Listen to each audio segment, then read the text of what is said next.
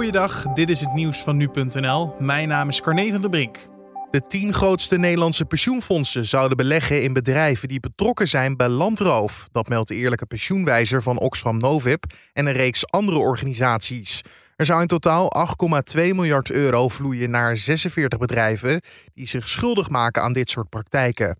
ABP, het pensioenfonds voor de overheid en het onderwijs, zou volgens de pensioenwijzer het meeste investeren in die bedrijven. Het zou 3,7 miljard euro pompen in 22 bedrijven. De samenwerkende organisaties willen dat de Nederlandse regering hier iets tegen gaat doen.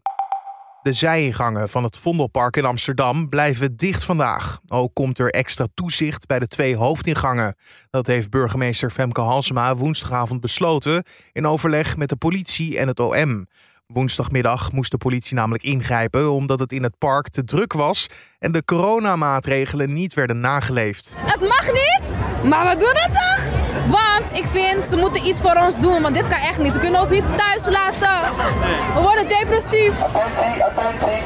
Hier spreekt de politie. U dient het park onmiddellijk te verlaten in de richting van de stadhouderskade. Geweld gebruiken. Bij het optreden van de politie werd er met flessen gegooid en er werden twee personen aangehouden. Deze beperkte toegang tot het park moet volgens de gemeente leiden tot minder drukte. Als deze maatregelen niet het gewenste effect hebben, dan zal het Vondelpark volledig worden afgesloten voor publiek. Er zijn geen aanwijzingen dat een lid van D66 zich schuldig heeft gemaakt aan seksuele intimidatie of machtsmisbruik. Dat concludeert onafhankelijk onderzoeksbureau Bing. Wel hebben 19 mensen zich bij de onderzoekers gemeld omdat ze zich onveilig hebben gevoeld binnen de partij. Eind vorig jaar plaatste een anonieme klokkenluider een verhaal op het internet waarin ze een invloedrijke D66er beschuldigt van grensoverschrijdend gedrag.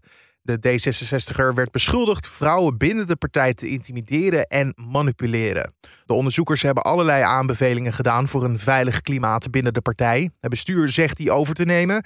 En partijleider Sigrid Kaag reageerde gisteren bij Nieuwsuur op dit rapport. Er zijn al onafhankelijke meldpunten die worden nog versterkt. Er komt een onafhankelijk meldpunt buiten de partij. ik denk dat D66 hier weer een koploper zal worden in hoe je omgaat, ook met het risico van grensoverschrijdend verdrag, om dat te voorkomen. Maar te tolereren is het niet.